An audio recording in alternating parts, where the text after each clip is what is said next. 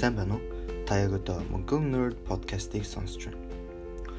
Мөнгө бол бидний амьдралын салшгүй нэгэн чухал хэсэг. Харин бид үүнийг ухаалгаар зарцуулж болон хадгалж сурснаар энэ бидний амьдралд томоохон өөрчлөлтийг авчирч чадна.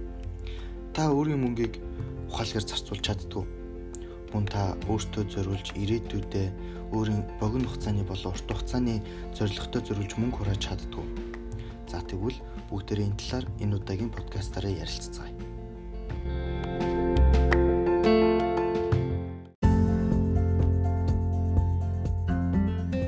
За бүгдээрээ сайн байцгаана уу? За ингээд та бүхний сонорт зулаахан ирсэн байна. Өнөөдрийн подкастаар бид нар мөнгө одоо бидний одоо өдөр тутмын амьдралд хэрэгжилж байгаа мөнгө бид нар түүнийг хэрхэн зарцуулж байгаа болон бид нар яг үнийг зөв зарцуулж чадчих байна уу? Бид нар өөрсдөө өөрсдийнхөө олж байгаа орлогоос бид нар хоримтлал үүсгэж өөрсдөө ирээдүйд санаад тавьж өөрсдөө ирээдүйд хөрөнгө оруулж чадчих вэ гэдэг талаар бүгнээрээ ярилцъя. Яагаад энэ талаар ярилцах болсон бэ гэхээр би ойрын хэд өдөр өөртөө аягүй их дүгнэлт хийж өөрийгөө яг шүүж тунгааж үзлээ. Тэгтэл би яг л яг дийлэнх залуучуудын адилаар мөнгөө зөв зөвхөстэй хэрэгэлдэг юм байна. Миний мөнгө ер нь хаашаа орсон мэдэгддгүү хэрэггүй зүйлс рүү аягүй хуурсдаг. Мөн миний одоо мөнгөний хэрэглээ яг яг тийм тодорхой байдгүй би юу хэрэгэлсэн нь мэдэгддэггүй, юу хэрэглээгүй нь мэдэгддэггүй. Зүгээр л мөнгөийг хэрэгэлсэн байдаг. За тийм болохоор би өөртөө өөрчлөлт хийхээр шийдэж энэ талаар судалгаа хийж хэрхэн өөрийнхөө санхүүгийн байдлыг хянах уу, хэрхэн өөртөө хөрөнгө оруулах уу гэдэг байдлаар би өөртөө судал энэ талаар судалгаа хийж өөрчлөлтийг өөрөөсөө эхлэхээр шийдсэн. За тэгээд хийсэн судалгааныхаа талаар олж мэдсэн зүйлсийнхаа талаар та бүхэндээ хуваалцъя. За тэгээд та бүхэн ч гэсэн үнийг авахын аваад өөртөө хэрэгтэй гэснийг нь хэрэгжүүлээд бүгдээрээ өөрчлөлтийг өөр өөрөөсөө эхлүүлцгээе. За ингээд өнөөдрийнхөө подкаст руу оръё. За ингээд подкаст маань эхлэхийн үн би та бүхнээс ингээд хоёр асуулт асууя. Та бүхэн үнийг яг өөрөөсөө яг шударгаар асуугаад үзээрэй. Юу гэхээр таны сарын цалингаа аваад хамгийн ихэнд хийдэг зүйл яг юу вэ? А мөн та сар болгон мөнгөө хэрхэн зарцуулж, юунд зарцуулж байгаа байгаагаа бүртгэж яг үзсэн үү? Би яагаад үнийг асуугаад байна вэ? Нөгөө л бид нар цалин авдаг, ажил хийдэг залуучууд яг өнөөдөр миний үеийн залуучууд бүгдээрээ л цалин авдаг, ажил хийдэг болчлоо л доо. Тэгсэн мөртлөө яг ингээд сарын цалин маань хаашаа явсан мэдэгддэггүй. Яг мөнгөө би яг юунд зарцуулсан мэдэгддэггүй дийлэнх болсон Аа тийм болохоор би үүнийг асууж байгаа. Яг өнөөдөр бид нар хэрэг мөнгөийг зөв хянаж яг зохицуулах бол бидний яг ирээдүйд мөрөөддөг ажил, мөрөөддөг орлого маань яг тэр мөрөөдлийн ажил хിവэрээ л үлдэх гээд байгаа байхгүй юу? Ягаад тэр бид нар ирээдүйдээ зориулж хөрөнгө оруулаагүй бид нар ирээдүйдээ зориулж ирээдүйд хийх том хөдөл одоо үйл хөдлөлтөд ирээдүйдээ хийх том бизнесийнхаа гараандаа зориулж бид нар төлөвлөгөөндөө зориулж бид нар хөрөнгө оруулж мөнгө хураагаагүй Аа санхүүгийн хувьд одоо бид нар одоо яг аюулгүй байна, санхүүгийн хувьд хараад бус байна гэж л ярьдаг шүү дээ. Тэр маань бид нар өнөөдөр их мөнгө олохыг хэлэхгүй юуг хэлэх вэ гэвэл бид нар зүгээр л одоо мөнгөө зөв зохистой одоо зарцуулдаг мөнгөө зөв зохистой тодорхой хэмжээг хурааж хоримтлуулж хэрэгтэй үед нь зарцуулж хэрэгцээ болон бидний хүсэл шунал гэдгийг бид нар ялгаж чадсанаар энэ маань одоо яг бидний санхүүгийн аюулгүй байдал буюу санхүүгийн хараат бус байдал маань бий болж байгаамаа.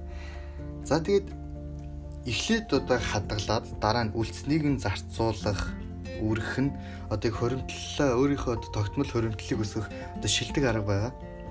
Одоо тууштайгаар өөрийн тогтмол орлого дээрээс одоо тогтмол хэмжээгээр цар болгон хадгалж сурах хэрэгтэй юм байна энэхүү хадгаламжигаа болохоор олон дансанд ингэж хувааж байрлуулснаар бид нар дөө төвчээр алдаал мөнгө хэрэгтэй болсон юм авмаар санагц үед нөгөө хадгаламж руугаа гар сарваачдаг тэгтээ бүгдийг нь авчдаг. Нөгөө л хадгаламж юм хураах хоримтлал үүсгэхэд бид нарт одоо үүсдэг одоо нөгөө бидний өөртөө хийдэг хамгийн том алдаанаас сэргийлж байгаа нэг жижигхэн арга.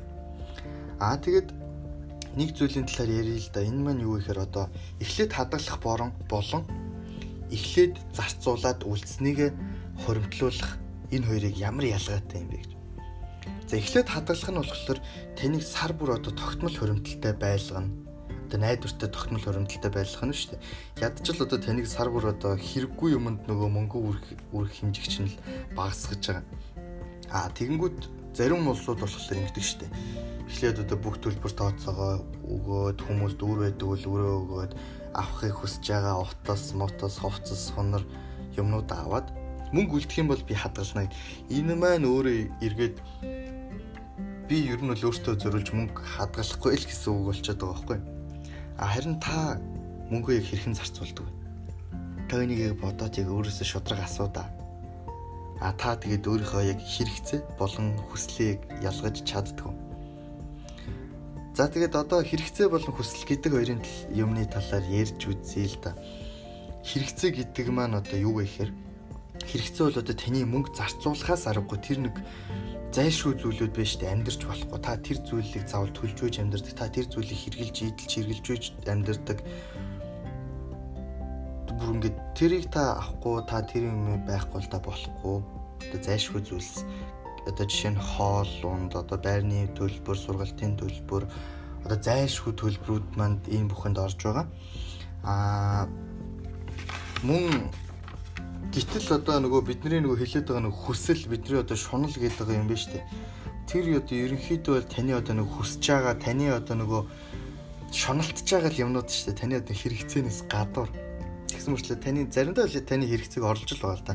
Зарим үед нөгөө гангарах гэж байгаа үед одоо нэг шин одоо палаж одоо шинэ жилийн үеэр ер нь бол энэ маань илүү болдог. Одоо шинэ палаж хүмүүс өнгөрсөн жилийнхаа палажийг өмсгөө би шинэ палаж өмсмөр байна.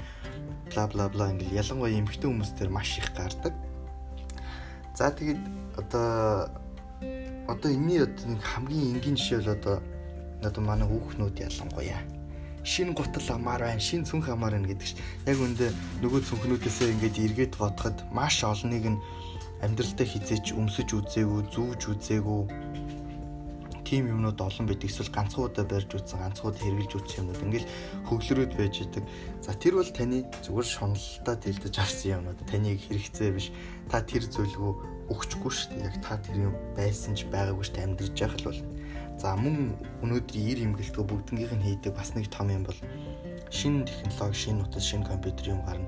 Би энийг амаар энэ ямар гоё гоё камертай. Та зурагч юм биш танд камер өнөөдөр ямар хэрэгтэй. Өнөөдөр таны барьж байгаа iPhone 6s 6 байна уу, 5 байна уу? Ер нь бол та өнөөдөр утсаар ярьж болж чинь, мессеж болж чинь, хүмүүстэй холбоо барьж чинь, интернет орж байна.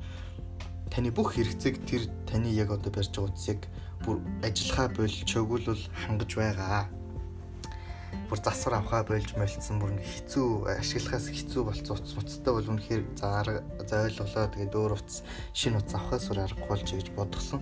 Тэгтэл утсан зүг зүгээр байхад одоо өөрийнхөө зөв зүгээр байгаа утсыг солиол 300 400 сая төгрөнд өгөнгүүтээ зөрүүлээд 3 сая төгрөгийн утас авч явах чинь. Тэрийг өөртөө байхгүй мөнгийг ашиглаж лизингдэж авдаг дийлэх хүмүүс. За энэ бол одоо бидний одоо нөгөө шунал шүү дээ бидний хүсэл тийм ээ. Тэр нөгөө хүний хүсэл хязгааргүй шүү дээ. Тийм болохоор өөрсдөө хүслийг бид нар хязгаарлах хэрэгтэй. За тэгээд та бүхэн сүүлийн үед одоо авсан зүйлсийн талаар нэг бодоод үзээрэй.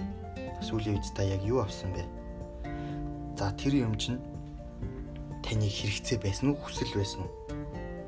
Аа мөн та тэр юмд хэр ихийг зарцуулсныг яг мэдчихэж байгаа юу, тий? За энийг та яг бодоод үзээрэй та ихэвчлэн одоо бас ингээд ингээд гадуур явж байгаа юмыг шууд хараад тэр юмыг авчдгүй эсвэл за энэ юм чинь надад хэрэгтэй байгаа энэ юмыг хараад за энэ ийм үнэтэй юм байна за энэс байраа хямдхныг олж болох нь уу? Чанар юм байна ингэж та маш олон юмыг цензуурлж бодож ич эцэст нь та тэр юмыг худалдаж авах одоо шийдвэрийг гаргадаггүй гэдгээ та бодод үзээрэй. Хэрв таны одоо мөнгөний зарцуулалт гэж сард хэрглэж байгаа зарцуулалт тансаглалт одоо таныг зоригтой хүрэхээс одоо хойшин чангаагаад байгаа бол одоо үүнийг хязгаарлах цаг нь иржээ найзуудаа. Ягаад гэхээр бидний тансаглалтаас илүү бидний ирээдүйн зорилго бидний ирээдүйд сайхан амьдрах хүсэл эрмэлзэл бидний мөрөөдөл илүү чухал учраас үүнийг хязгаарлах хэрэгтэй. Өнөөдрийн бидний санхүүтэй хандж байгаа, өнөөдрийн бидний мөнгөтэй хандж байгаа, харьцаж байгаа байдал маань бидний ирээдүйд мөрөөдөлтэй хүрэх, бидний амьдралдаа хэвшүүлэх ёстой томоохон бас зөв хөвшлүүдийн нэг байж бидний ирээдүйд яг мөрөөдөлтөд хүрэх боломжтой болно.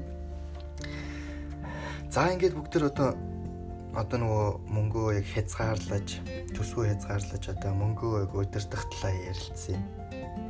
Нэгт одоо бид нар одоо өөрсдийн сарын зарцуулалтаа одоо бүртгэх хэрэгтэй. За одоо энэ яаж вэ гэвэл та өөрийн одоо зарцуулалтыг одоо аппликейшн ашиглаж одоо бүртгэж болно. А эсвэл хизээ, хаана хэдийг төлж юу авсан гэдгийг ингэж нэг бүчлэн дэвтэр дээр сайхан бичээд сар болгоныхоо бүртгээд аль нь миний хүсэл, аль нь надад хэрэгцээтэй, яг шаардлагатай зүйлсөө би юунд илүү хэрэггүй мөнгө өрсөн байна гэдгээ та түн дээрээс харж болно. А мөн мөнгөө төсвөлөх хэрэгтэй. Одоо энийг нь одоо англиар бид нар budget гэж нэрлэдэг байгаа. Monthly budget одоо бидний төсөв те өөртөө зориулж байгаа төсөв. Төсөв гаргах нь одоо одоо маш сайн одоо хадгалж зарцуулах одоо нэг төрлийн одоо аягүй сайн төлөвлөгөө юм одоо мөнгөө төсвөрлөх нь одоо танд одоо өөрийнхөө хуримтлал, орлого, зарлага гэдэргээд одоо бусад төлбөр тооцоог зохицуулахад маш сайн туслана.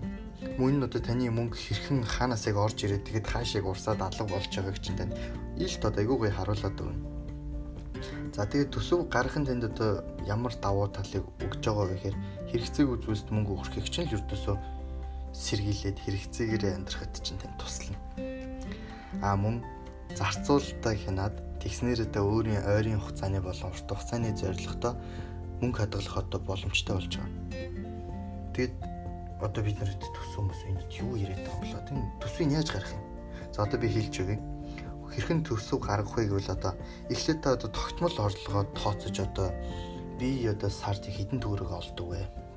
Энд таны хин нэгнээс авах үр эсвэл одоо орж ирж магадгүй гэж бодож байгаа хөрөнгө оруулалт моруулалт тэр хамаагүй шүү таны сар болгыг тогтмол болдог таны цайлан аа мөн таны тэнд байр түрээсэлдэг ч ямар нэг объект түрээсэлдэг тэрний одоо сар бүрийн тогтмол орлого байдаг бол тэр мэр одоо орж ирэх болно. За тэгээд эхлээд одоо хадгалах хэмжээг шийдэх хэрэгтэй. Ягаад тэгэхээр хүмүүс одоо ингэж үйлдэлсэн хэмжээ энэ одоо ингэж үргэлтнэ үргэлтнэ үргэлтнэ тэгээд би энэ жоохон хэсгийг зарцуулна гэж бодох биш. Би өнөөдөр энэ хэмжээг хадгалаад за тэнгуүтээ эргээд энэсээ эхлээд үлдсэнийг үлдсэнд нь тааруулж амьдрна гэж бодох хэрэгтэй. Ер нь бол дор хаяж сарынхаа одоо тогтмол орлогын 10%-ийг одоо доотлно шүү. 10%-ийг одоо хоримтлуулж сурах хэрэгтэй. Одоо эхний 3-6 удаагийнх нь одоо зайлшгүй одоо гал гарсан тим үед хэрэглэх мөнгө гэж одоо өөр нэг одоо банкны дансан дээр хадгалах хэрэгтэй байна. Яагаад гэвэл бидний нөгөө л нэг үйл явдлаас сэргийлж байгаа. Бид нар ингээл овоо нэг ингэж мөнгө хураагаал байж идэл нөгөө мөнгө маань ямар нэг зайлшгүй бүр мөнгө хэрэглэхээс өөр аргагүй үед бид нар нөгөө мөнгөө хэрэглэждэг. Тэнгүүтээ дахиж мөнгө хөрөмтлүүлэхэ болоод нөө зогсчдөг. Яг л нөгөө бид нар нөгөө нэг гахаан дотор мөнгө гэж хадгалж хадгалж хагаад нэг шаардлагатууд гахаага хааглаад мөнгөний авчдаг гахаага дахиж гахаа авдаггүйтэй яг адилхан За энийг бол emergency fund гэж нэрлэж байгаа. Emergency fund буюу одоо зайлшгүй хэрэглэх одоо таны өөрийн гэсэн сан. Одоо ингээ яаралтай үед хэрэглэх мөнгөтэй 3-6 сарын одоо цалингаа одоо ингээ баг багаар хурааж хоримтлуулсныхаа дараагаар өөрийнхөө одоо нэг зорилготой зориулах хоримтлалыг хурааж эхэлнэ гэсэн үг.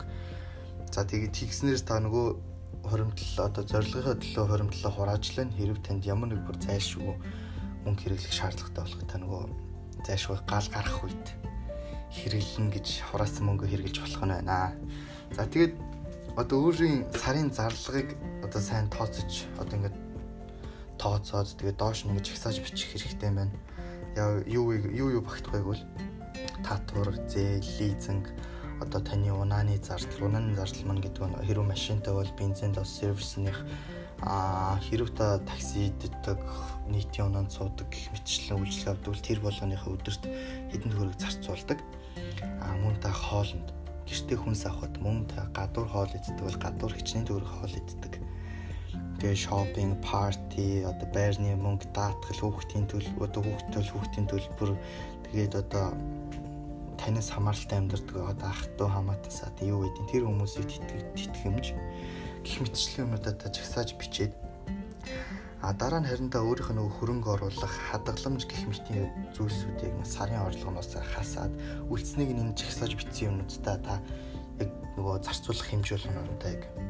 Эхлээд бол яг хэрэгцээт яг хэрэгцээтэй заашгүй юмнуудтай хуваарлаад үлдснийг нөгөө парти шопинг гэх мэтчлэн зүгээр л хүний нөгөө хүслийн одоо дайвар юмнуудтай та хуваарлах нь шүү дээ тийм ээ.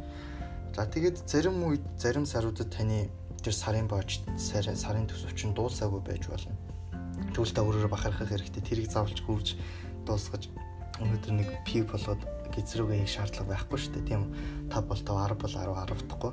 Тэрийг та хадгалаад дараа сарынхаа одоо нөгөө хоримтлалынхаа хэмжээтэй нийлүүлээд одоо хадгаламжиндаа хийж бас болно. Энэ нь танд зүгээр хэрэггүй юмд үржижснээс илүү танд туслах болно. Аа тэгээд мөн одоо бидний цалин хөлс нэмэгдэх, багасах, гэр бүл шинэ хүнтэй болох буюу ингээд янз янзын санхүүгийн өнөөдрийн одоо өөрчлөлтүүд гарч болно. Ямар ч бүрийн одоо санхүүгийн эсвэл ингээд амьдралын одоо нөхцөл байдлуудын өөрчлөлтүүдэд бид нар энэ сарын одоо өөртөө гаргасан төсвөө одоо өөрчилж нааш ноён хатан байх хэрэгтэй. Тэгвэл та өөртөө хоригдлол үүсгэх битгий мартаар энийг хийзээ шапагасгаж болохгүй ягаад тэгэхээр таны энэ бол чухал юм та харин өөртөө чухал биш хэрэгцээнүүдээс таньж болно гэдгийг үргэлж санаж яваарай. За тэгэхээр та эцсийн эцэст яг нэг дүгнээд үзэхэд хэрэг та хит их мөнгө сард үрээдэх юм бол энэ зүйлсийг өөрчлөхийг оролдоорой. Юу гэвэл эхлээд та үнэтэй брендийг хэрэглэх шайлуулах одоо яг хямдхан гэхээс илүү чанартай өөртөө хэрэгцээтэй зүйлсийг хэрэглэх хэрэгтэй, эдэлж хэрэглэх хэрэгтэй. Шуналтай автагдаж нөгөө гоё гэсэн тийм юмнуудыг айлуулах багасгах хэрэгтэй. Ингэснээр та айгүй их мөнгөийг хэмнэх болно. Мөн та өдөр болгон таксиддаг бол таксидах яг үнэндээ та нэг хүний ард сун сун өнөөдөр такси баригдсангүй ингэсэнгүү гэж гомдлохын оронд та өнөөдөр автобусанд суугаад хэдхэн минутын өмнө гараад автобус хүлээж гаад автобусанд суугаад явхад ядаж та автобусны бодол алхах үед хүртэл танд энэ хөдөлгөөн болно. Мөн та маш их мөнгө хэмнэн Аа тэгээд ер нь л яг өндөө Улаанбаатарт автобуснууд таксинаас хурдан явдаг гэдгийг та бүхэн бүгдээрээсээ мэдж байгаа. Аа тэгээд нөгөө яг үндэ дийлэхгүй байж бид нар хүмүүст гоё харагдахын тулд том машин ундаг. Бидний хэрэгцээ жижиг машин болсоор байтал том машин ундаг. Том машиныхаа бензин то сервис гэх мэт бүх юмнуудыг бид нар төлж дийлдэх мөртлөө том машин унах унаад байдаг. За тэгвэл та энийг бодоод үзэр яг надад энэ өнөөдөр явж байгаа том машин маань хэрэгтэй юу? Энийний бензин төслийг ингэж төлөн төлөн хараа хараа унжиснаас би жижиг тэрэг унаад байж ивэл надад болох уу болохгүй юу гэдэгтээ та бодоод үзэр. Өнөөдрийн бид гэхдээ Улаанбаатар дөрөв Прус байгаа ч гэсэн яг биш юм. Улаанбаатар тэн Прус гэдэг машин бол маш сайн тохирсон машин гэж би боддог. Энэ бол бидний санхүү санхүүгээ хэмнэх нэг боломж мөн аа байгаль орчин маш ээлтэй байгаамаа. За тэгээд өөртөө хэрэгцээг үзүүлсэл ердөөс авахаа болчих ер нь бүгдийг бацгах. Өөртөө ямар ч хэрэгцээг үзүүлс энэ хэрэгцээг илүү хэрэгцээ хүмүүст сайхан харагдах гэсэн танд яг үндэ нэг ч жоохон ч юм наалтахгүй тийм илүү хэрэгцээнүүдийг таньж багасгаж та өөрийнхөө ирээдүйд хөрөнгө оруулалт сурвал энэ танд л хэрэгтэй. Надад биш өөр хин нэг биш. Тэр хүмүүст та сайхан харагдаад тэр хүмүүст гоё харагдах гэж өнөөдөр нэг илүү готл 200 300 мянга 500 мянга 600 700 мянга төгрөг готл авлаа гэд танд юу ч хэрэггүй. Тэр үл ид ид тогшил зүгээр л хүний хэрэгцээ гэдгийг та санах хэрэгтэй За бас нэг зөвлөгөө юу гэхээр та гадуур хоол идэхэ багасгах хэрэгтэй гадуур хоолнд ер нь бол бидний үеийн залуучууд маш их мөнгө үрж байгаа. Гадуур хоол идэх их дуртай. За энэ бол байх л асуудал. Би багсах гэснээс бүр зогсоо гэж хэлээгүү. Тэгээд ер нь бол ажлын одоо цайны цагаар бид ингээл гараал явдаг. Тэгээд яг сард ингээл ботход нэг өдрийн ажлын өдрийн хоолнд 6-аас 7 мянган төгрөг зарцуулагддаг юм дор хаяж.